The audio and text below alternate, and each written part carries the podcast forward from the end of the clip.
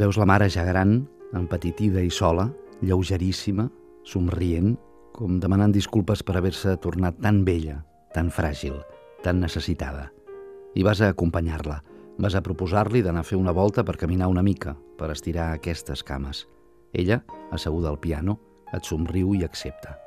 El plaer queda a banda, la música queda a banda, la disciplina s'imposa, la disciplina de la passejada, la disciplina del piano, la digitació, l'articulació, els exercicis específics que descomponen el discurs musical en una gimnàstica digital.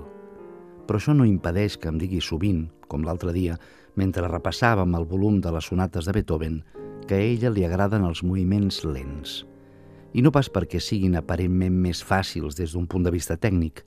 Li agraden més perquè solen ser més sentimentals, segur, més contemplatius, més quiets, en definitiva, i per tant en ells el temps passa més a poc a poc, permet més temps per pensar, per contemplar la pròpia música. Per algú que sent que el temps se li escapa com els darrers grans de sorra dins la mà tancada amb força, aquesta lentitud ha de ser un consol. La millor música per la meva mare, per no dir ara mateix l'única música, és la d'aquesta lentitud.